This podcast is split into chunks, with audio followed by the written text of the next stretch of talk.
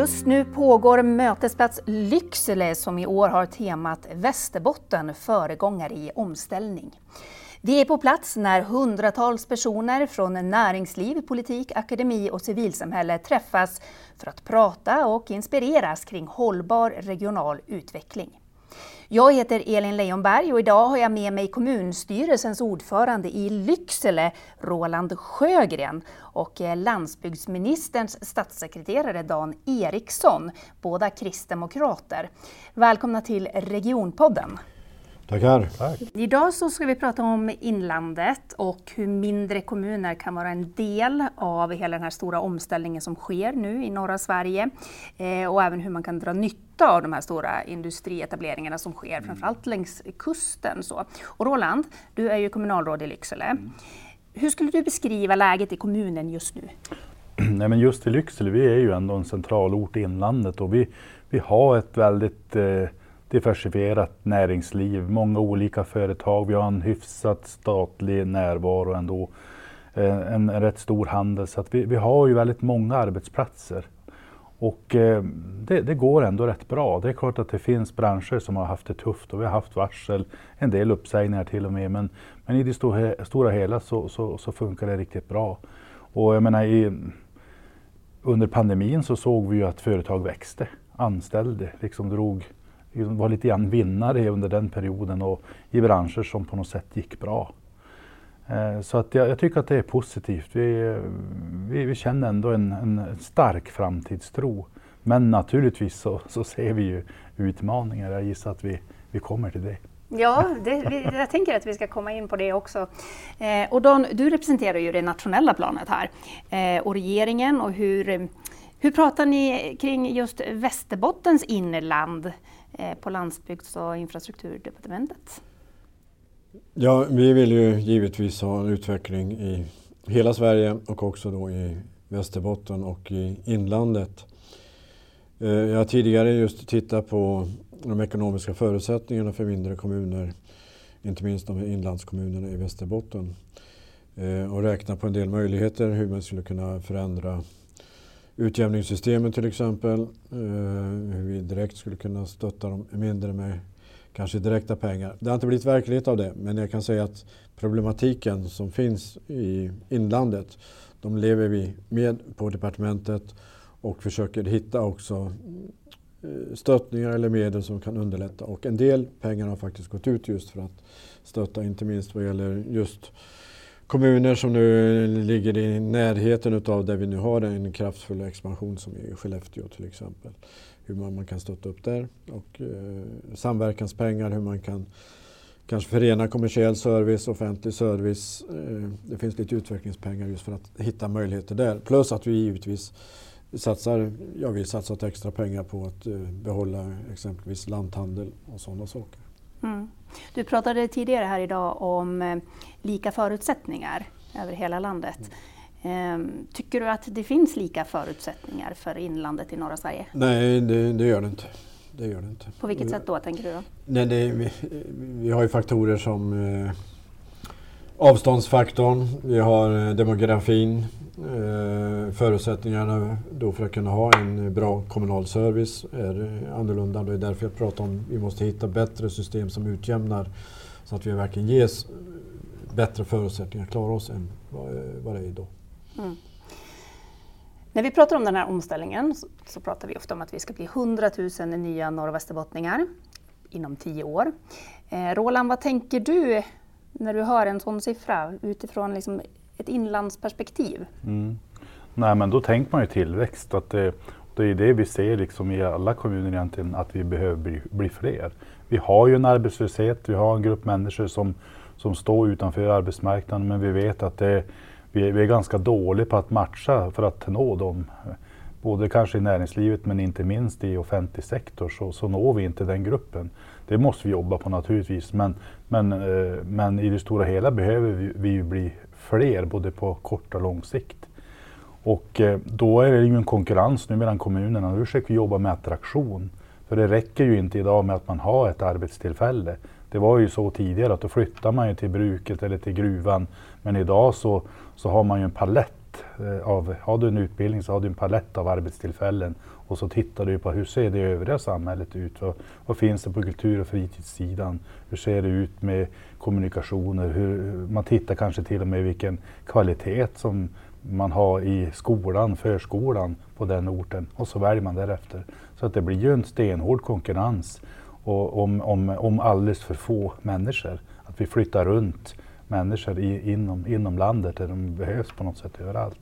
Så det är klart att vi behöver ju bli fler på lång sikt men vi behöver också attrahera människor som, alltså eh, eh, individer som bor utomlands alltså också till, till, till vår arbetsmarknad. Det är oerhört centralt. Vi behöver jobba med den här internationaliseringen, att bli bättre kanske på att kunna kommunicera på engelska på arbetsplatser och även i offentlig service, Så att vi kan liksom attrahera.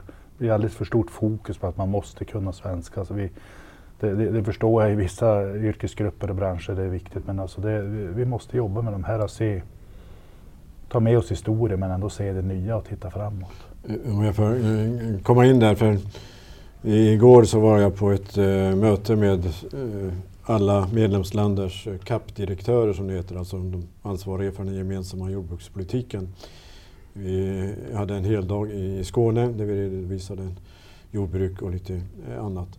Men då samtalade jag just med eh, den holländske CAP-direktören för Holland som ju eh, hade stort intresse för Sverige. I Holland har man, eh, man har för lite eh, utrymme och mark helt enkelt. Man söker sig andra. Och han visste att många holländare hade just flyttat till Sverige och han själv hade rest omkring nu lite och tittat och såg vilka fantastiska möjligheter Sverige har.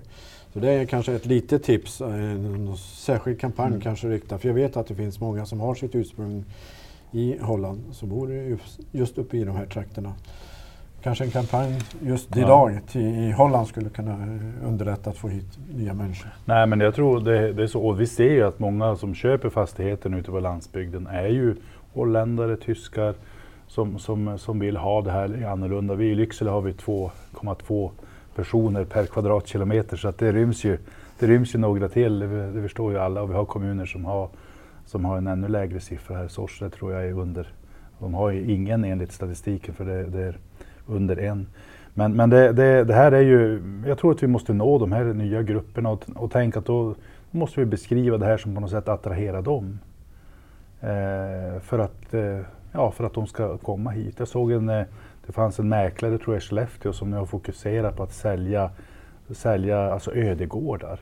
Alltså inte, och, och, och hade, hade lyckats få en snurr på det och sålt ett flertal fastigheter som är alltså i, i helt enkelt dåligt skick. Men alltså, det finns ändå en köpare, någon som vill göra det där, eh, fixa upp det här. Och, och, och jag, menar det, så att jag, jag, jag, tror att begränsningen för oss många gånger det är att tänka tillräckligt, eh, tillräckligt nytt och inte se de här gamla klassiska eh, begränsningarna på något sätt. Mm. Hur mycket ska Lycksele växa då? Nej, men vi har ju en målsättning att vi ska vara 13 000 invånare och det är klart att eh, vi hade en eh, byggdag för några veckor sedan där vi liksom pratade lite grann framtid och då hade vi en professor som, som han utmanade oss lite grann och tyckte liksom att 13 000 var då och så drog han någon jämförelse med ett antal kommuner som har 13 000 invånare. Är det, är det det ni vill vara? Är det här er målsättning? Men men det är klart att jag, jag tror att vi, vi, vi kan inte fokusera på siffror här, men, men det är klart att vi vill ju bli större. Vi vill ju bli fler. Vi vill se att det finns ett utrymme. Dels har vi en livskvalitet som, som, som, som vi är stolta över och som vi vill erbjuda fler. Och vi har en arbetsmarknad som behöver den här, de här människorna. Så, så att eh, jag, jag, jag tror att realistiskt så, så, tror jag inte att vi kan bli, vi har, jag tror att vi har varit 16 000 som, som flest i Lycksele kommun. Det, jag tror inte att vi kommer dit i närtid men, men vi vill bli fler och vi vill bli eh, bättre på hållbarhet och på, på att attrahera och tänka nytt. Mm.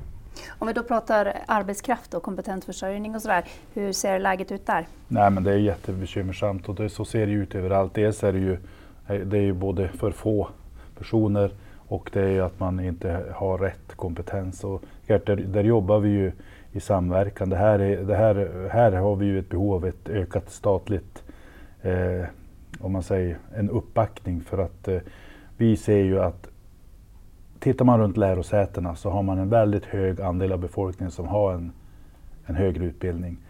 Eh, det här minskar ju med antalet, eller med, med det geografiska avståndet från lärosätet. Det är bara så.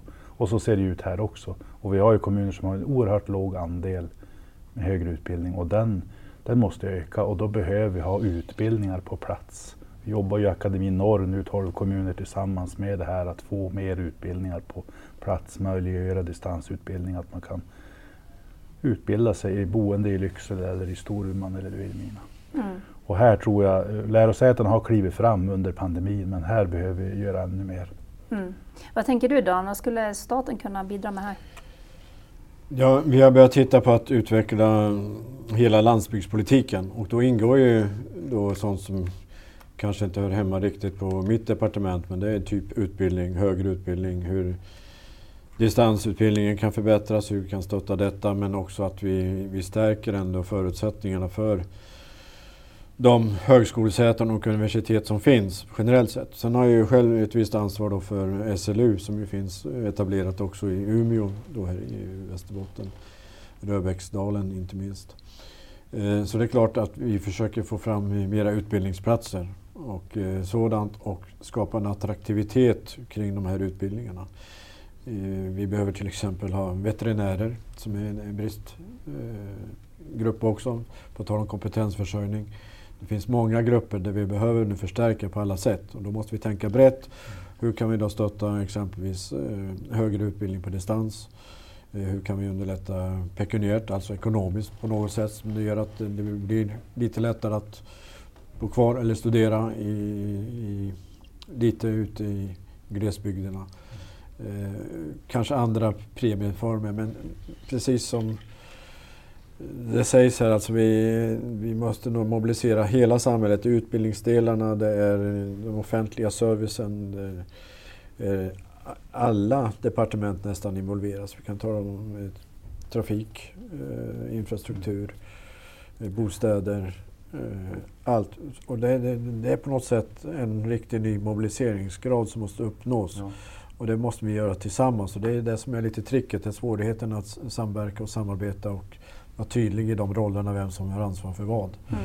Staten har sitt ansvar, men regionerna har sitt ansvar och myndigheterna har sitt ansvar. Mm. Men här tror jag, för man pratar många gånger om arbetskraftsreserv. Här finns ju en utbildningsreserv i de här kommunerna där man har den här låga andelen högre utbildning. Så skulle man snabbt kunna få effekt. Jag tittar på Västervik.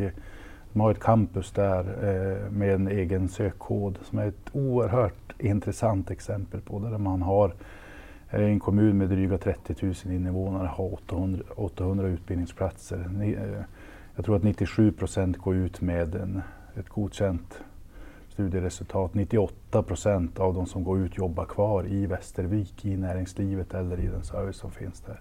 Det är, ett, alltså det är, det är som siffror som man man, det, det vattnas i munnen. Alltså det är precis, de har ju verkligen lyckats. De har jobbat i 20 år mm. Eh, målmedvetet med det här så att det tar ju tid. Men någonstans måste vi, måste vi börja och det, det jag tror att det, det, det, är ju lite grann, det är ju en utmaning utifrån att det, det kostar ju och att, att våga göra de här, de här investeringarna i den typen av eh, strukturer, inte bara i fast, fast materia. Mm. Men det är ju som du säger, det går ju otroligt... Alltså det tar ju väldigt lång tid att göra eh, sådana här förändringar. Faktiskt. Det är långa ledtider mm. när man ska göra någon typ av förändring, förändra utbildningsväsendet eller liksom speciellt eh, universitet och högskola har långa ledtider, vi pratar år liksom, för att det ska hända saker. Eh, och det brinner i knutarna kan man väl ändå säga. Det går ju väldigt, väldigt fort just nu i norra Sverige. Mm.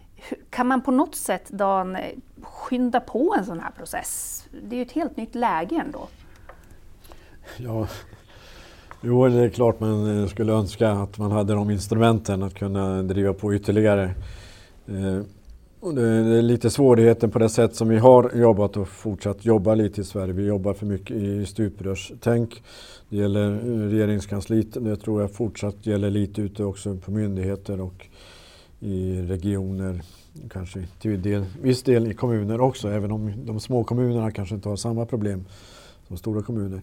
Och det är där jag tror vi måste bryta ned de barriärerna som finns och just eh, Det var ett ord som jag tyckte eh, förekom här tidigare idag om målsynergier. Just se målet för det här arbetet. Om vi nu ska ha fram, vi säger 100 nya bostäder, på vilka sätt kan olika delar i samhället, myndigheter, eh, politiken, eh, ja, domstolsväsendet höll jag på att säga för det är överklagningar och sånt. Hur kan vi förenkla processer och jobba tillsammans för att nå då målet, de här hundra nya bostäderna istället för att var och en sitter på sitt och håller på sina eh, principer. Så mera målinriktat jobb för de projekt som måste till nu. För det, det är precis som du säger, det är lite akut och då måste vi försöka förändra arbetssätten också så det går snabbare. Och här vet jag att Peter Larsson som har varit en samordnare för omställningen här har jobbat oerhört hårt med detta och försökt få till eh, genvägar, höll jag på att säga, eller snabbare strukturer i beslutsfattande. Det krävs mer utav det. Mm. Hur upplever du det Roland, det här med stuprör och så här. Hur lätt är det att jobba nu tvärsektoriellt och liksom hjälpa varandra? Nej, men det, jag håller ju med om att det här är ju ett utvecklingsområde. Att man, där, där sen jag tog upp det när man, man får vara med och prata på olika ställen. Jag tog upp det när vi hade en samhällsbyggnadsdag. Att det här, det här måste man sätta fokus på. Att alla måste jobba i samma riktning mot ett mål. Och liksom var och en måste ställa kanske saker åt sidan för att liksom prioritera att nu ska vi dit. Det handlar om myndigheter. Vi lägger kommunerna oerhört mycket tid och energi att jobba, jag skulle inte använda begreppet alltså mot Trafikverket, alltså mot, jag tycker ändå Länsstyrelsen, vi har ett gott samarbete men det finns ett visst mått av, av målkonflikter. Men, men, eh, men eh, vi lägger alldeles för mycket energi på liksom, eh, att, att, att, få, att, att komma liksom fram mot målet. Och där, där behöver vi gå lättare. Det kan vi ju tänka oss att det kan vi göra i en kommun också. Vi kanske har den här i våra stuprör, kanske i den lilla organisationen, till och med de här sakerna som på något sätt eh, gör det svårare. Men, eh, och det, vi måste ju titta på där också. I alla, I alla delar, kommun, region och även den statliga nivån måste titta på att, att jobba i rätt riktning med det här. Mm. Eh, klart förbättringsområde. Mm.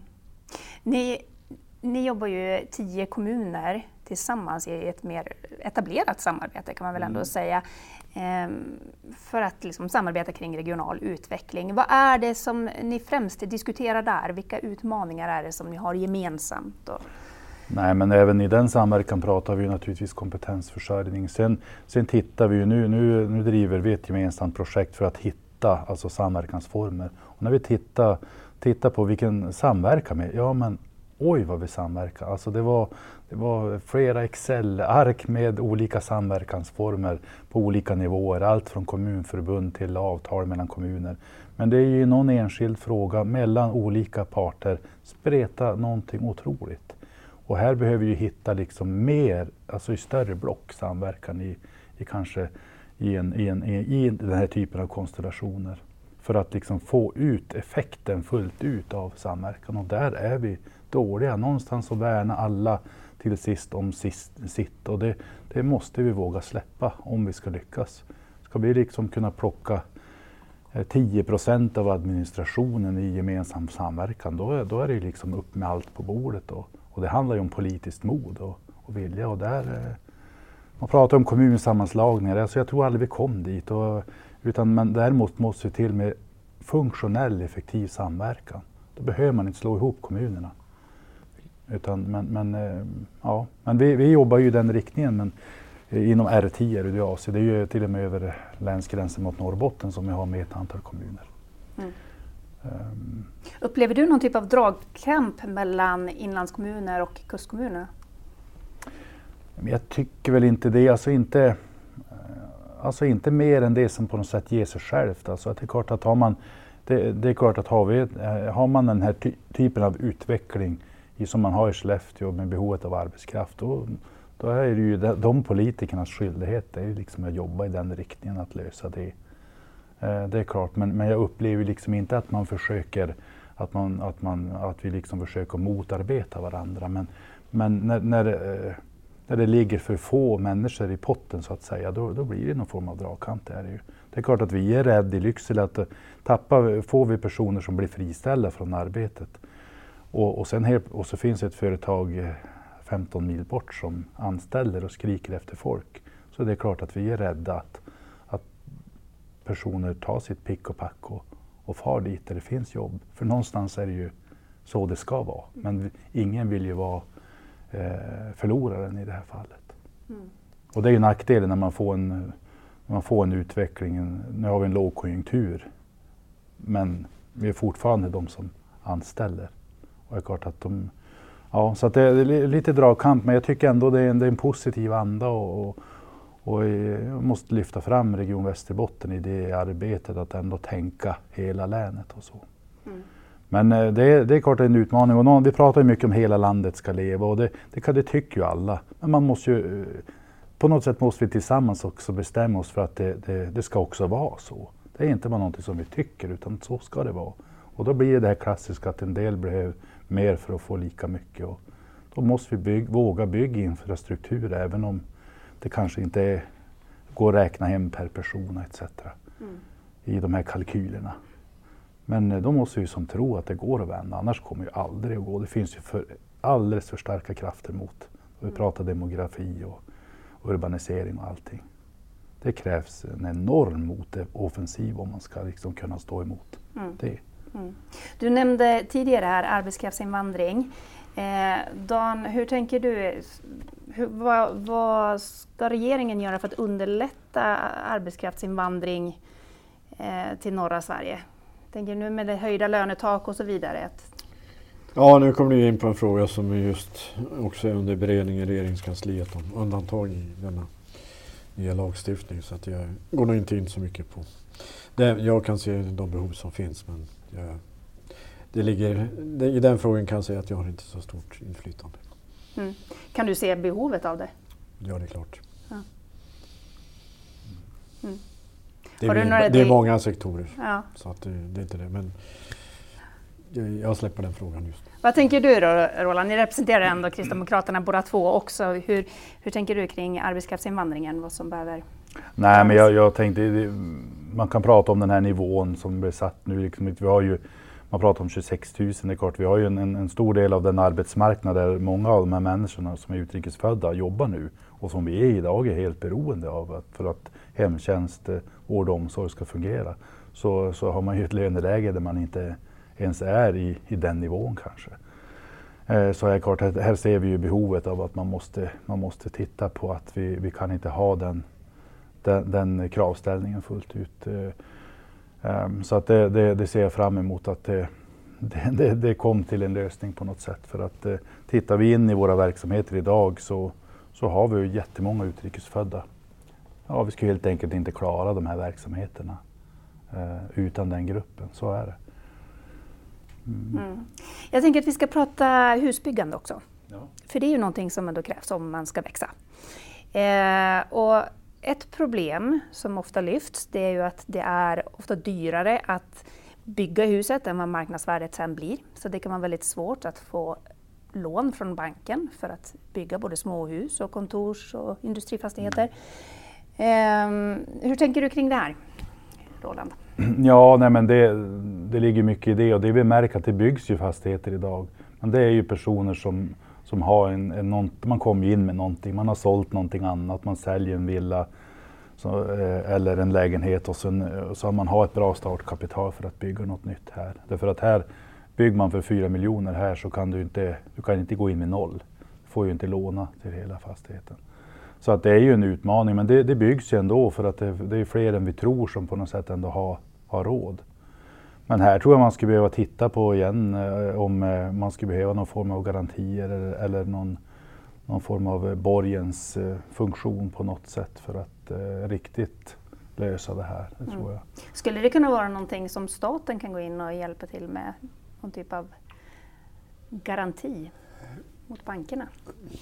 Ja, det är möjligt att eh, det skulle kunna vara en möjlighet. Jag vet ju att eh, på just mitt departement så tittar man också på andra möjliga lösningar just för att kunna stimulera eh, byggandet just i landsbygderna.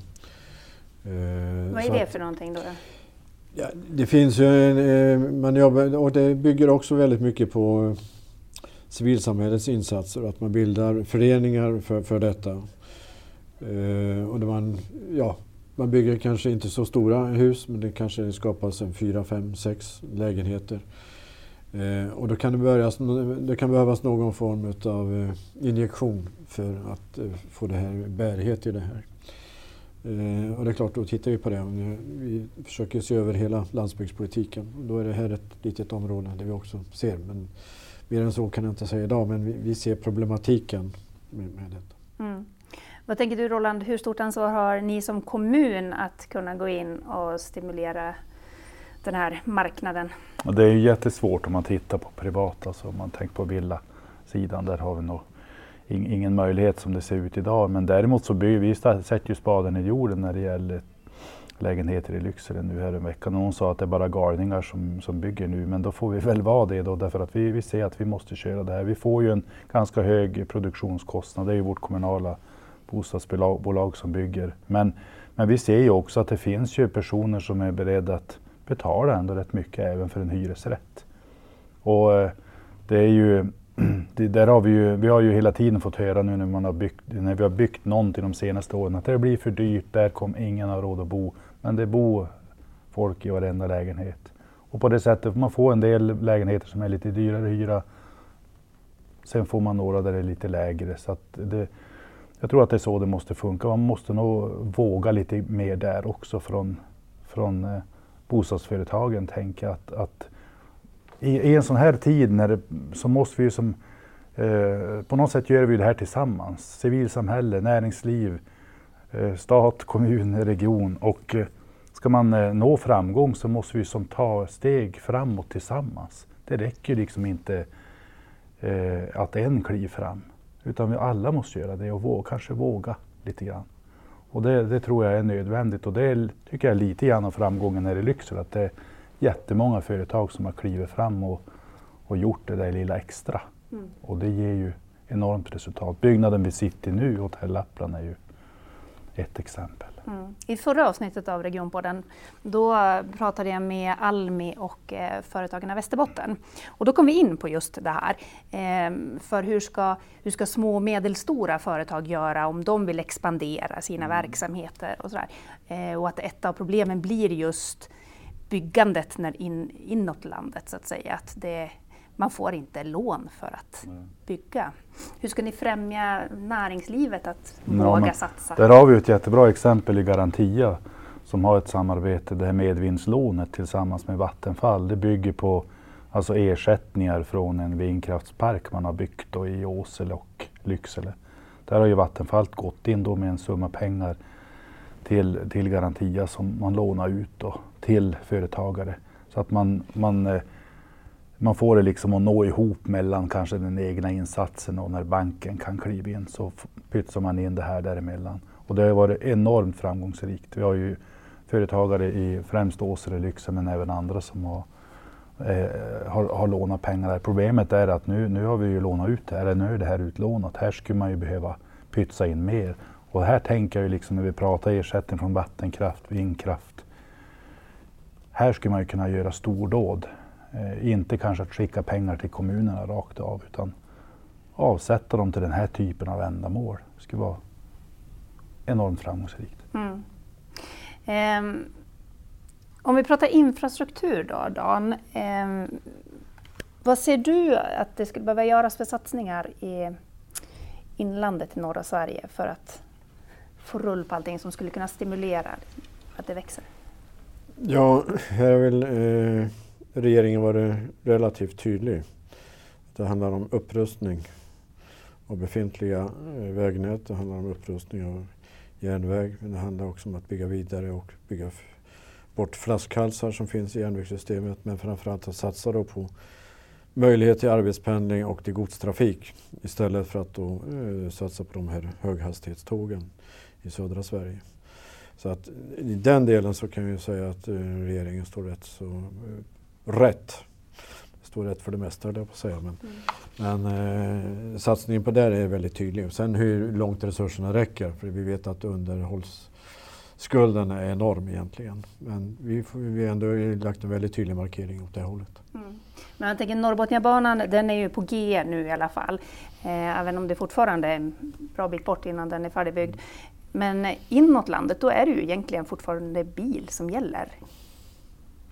Ja, det är väl en orsak till också att regeringen har insett att bilen är nödvändig för många som bor ute i glesbygderna. Och att man därför underlättar faktiskt för att man ska fortsatt kunna använda bilen. Mm. Kan du se andra lösningar? Utbyggd, alltså mer järnväg eller någonting annat mm. som skulle kunna underlätta? Jag, jag tänker kanske inte mer järnväg, men, men däremot eh, det är klart att den vi har här nu eh, Eh, tvärs genom länet, den som vi faktiskt kallar för Västerbotniabanan, den har väl inte den det namnet på, på Trafikverket kanske, men, men eh, det är ju ett oelektrifierat stråk från Hällnäs upp till Storuman. Och, och, det är klart att det är, den, det är den, den, typen av strukturer där vi skulle vilja se satsningar. Vi har ju varit nästan med i den här nationella planen då det gäller elektrifiering. Sen helt plötsligt så i den senaste planen så är vi inte alls med. Eh, det är ju sådana här, det är såna här satsningar vi skulle vilja se snabbt. För det, det skulle bygga förutsättningar för att, för att hålla, eh, hålla ihop eh, eh, länet och regionen. Eh, en upprustning och en elektrifiering av tvärbanan.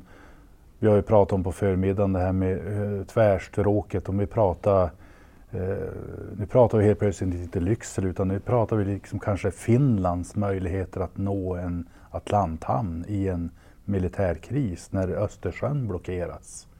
Då, och Finland, vi vet vad de har i, i ryggen så att säga. Där bygger de eh, staket. Eh, och då kanske det då kanske det är tvärstråket genom Västerbotten som är alternativet med en fast förbindelse över Bottenviken. Alltså det här måste, här måste vi tänka eh, stort och, och eh, det, det, det, är väl så jag, jag, jag, jag känner någonstans att det är de här satsningarna man skulle vilja ha resurser till och vi är ju jättetacksamma att man stoppar höghastighetsprojekten och, och väljer att eh, tänka större på upprustning och så. Men sen är ju problemet med kostnadsutvecklingen att man helt enkelt får så mycket mindre för pengarna nu. Mm. Men sen så, för vi, det pratas ju väldigt mycket mer nu kring just den här eh, öst-västliga, mm. att eh, ett stråk från Vasa till Mo i Rana så, ja, med batteribältet och att bygga någonting kring det. Eh, är det någonting som ni diskuterar på ert departement? Man jobbar ju med en ny trafikplanering som ska komma fram nästa år om jag inte minns fel här nu. Det är inte direkt mitt ansvar. Men eh, så att jag utgår från att ni ligger på också i det arbetet. För man samlar ju in just nu inspel. Men sammantaget kan man säga att totalt sett så ändå är resurserna, även om det är jätteresurser som läggs nu, men de är ändå begränsade. Och då måste man göra prioriteringar. Och jag kan väl se det som så att vi ska försöka jobba fram en strategi för Norrland och det är klart att infrastrukturen är en mm. viktig del utav detta. Eh, men jag tror att eh, ni måste artikulera det här väldigt tydligt också ja. från er, er, sida så att det blir tydligt för, för också de som är bosatta i Stockholm vad Norrland betyder. Mm. Men hur ser du, jag tänker såklart så ska ni se till hela landets utveckling. Men det händer de facto otroligt mycket i norra Sverige just nu. Alltså det är en omställning. Så vi pratar eventuellt en fjärde revolution, på industriell revolution pratar vissa forskare om. Um, Finns det något extra fokus på landsbygden i norra Sverige? Ja, det törs jag nog säga i och med att vi ska se över hela landsbygdspolitiken. Vi ska nu jobba fram en strategi för norra Sverige. Det här hänger ju samman. Den regionala utvecklingspolitiken som vi också har pratat om en del idag. Det gäller att binda ihop också detta och inte bara se spalta de olika, var pengarna kommer ifrån utan försöka bygga ihop det här till en helhet. Och det är lite poängen med att vi nu har ett gemensamt ändå landsbygds och infrastrukturdepartement med också ansvar för bostadsplaneringsfrågor. Vi försöker se helheten. Vi pratade tidigare om markkonflikter. Vi ska försöka lösa ut de frågorna så att det inte blir så mycket målkonflikter utan på vilket sätt vi bäst kan använda vår mark. Om det är bostäder eller till till att få livsmedel eller om det är för infrastruktur. Vi ska försöka kombinera ihop det här och inte bara se det varje sida för sig utan hur kan vi göra det här på bästa sätt. Så att det är väl ändå i, i slutpunkten här på att säga här också. Att försöka se de gemensamma lösningarna som bäst gynnar också Norrland. Hur går det arbetet då på nationell nivå tycker du? Jag tycker att vi i departementet så jobbar vi lite mer på det här sättet eh, som kanske andra departement jobbar där vi försöker jobba med de olika sakenheterna, att man ska samtala med varandra och just jobba utifrån vad målet är. Sen spelar det ingen roll strukturen i de olika enheterna utan det är här vi ska lösa ett problem. Och då, jag hoppas att vi kan nå framgång med det arbetssättet. Mm. Och när det gäller infrastruktur så hade jag senast förra veckan möte med tjänstepersoner på infrastrukturdepartementet för att liksom belysa den här frågan. Så vi, vi, det som jag är glad över är att det här är ingen Lyckselefråga, det här är en Västerbottensfråga och inte bara det, det är en Kvarken. Alltså Kvarkenrådet har ju lyft fram det här nu i sin strategi, det här tvärstråket. Så att vi känns ju otroligt stärkta i det här. Och jag menar, nu pratar man om 50 minuter mellan Umeå och Skellefteå. Jag kan nöja mig med 1.15 mellan Lycksele och Umeå. Ehm, jag ställer inte högre krav än så. mm. Nu tiden går fort. Avslutningsvis, vad tänker ni kommer att krävas för att det här ska lyckas? För att hela norra Västerbotten ska kunna leva i den här omställningen? Roland, du får börja. Nej, men jag tänker som jag var inne på att det är många som måste ta steg framåt. Att det, det går liksom inte luta sig bakåt och tänka att det, är, det här är statens ansvar, nu får vi lösa det här. Eh, vi märker det i vårt lilla sammanhang att eh, har man en utmaning och så ställer man frågan till några, då, då hittar man en lösning. Och så får, får, alla vara med och bidra på något sätt. Någon tar ett större ansvar, någon tar ett mindre.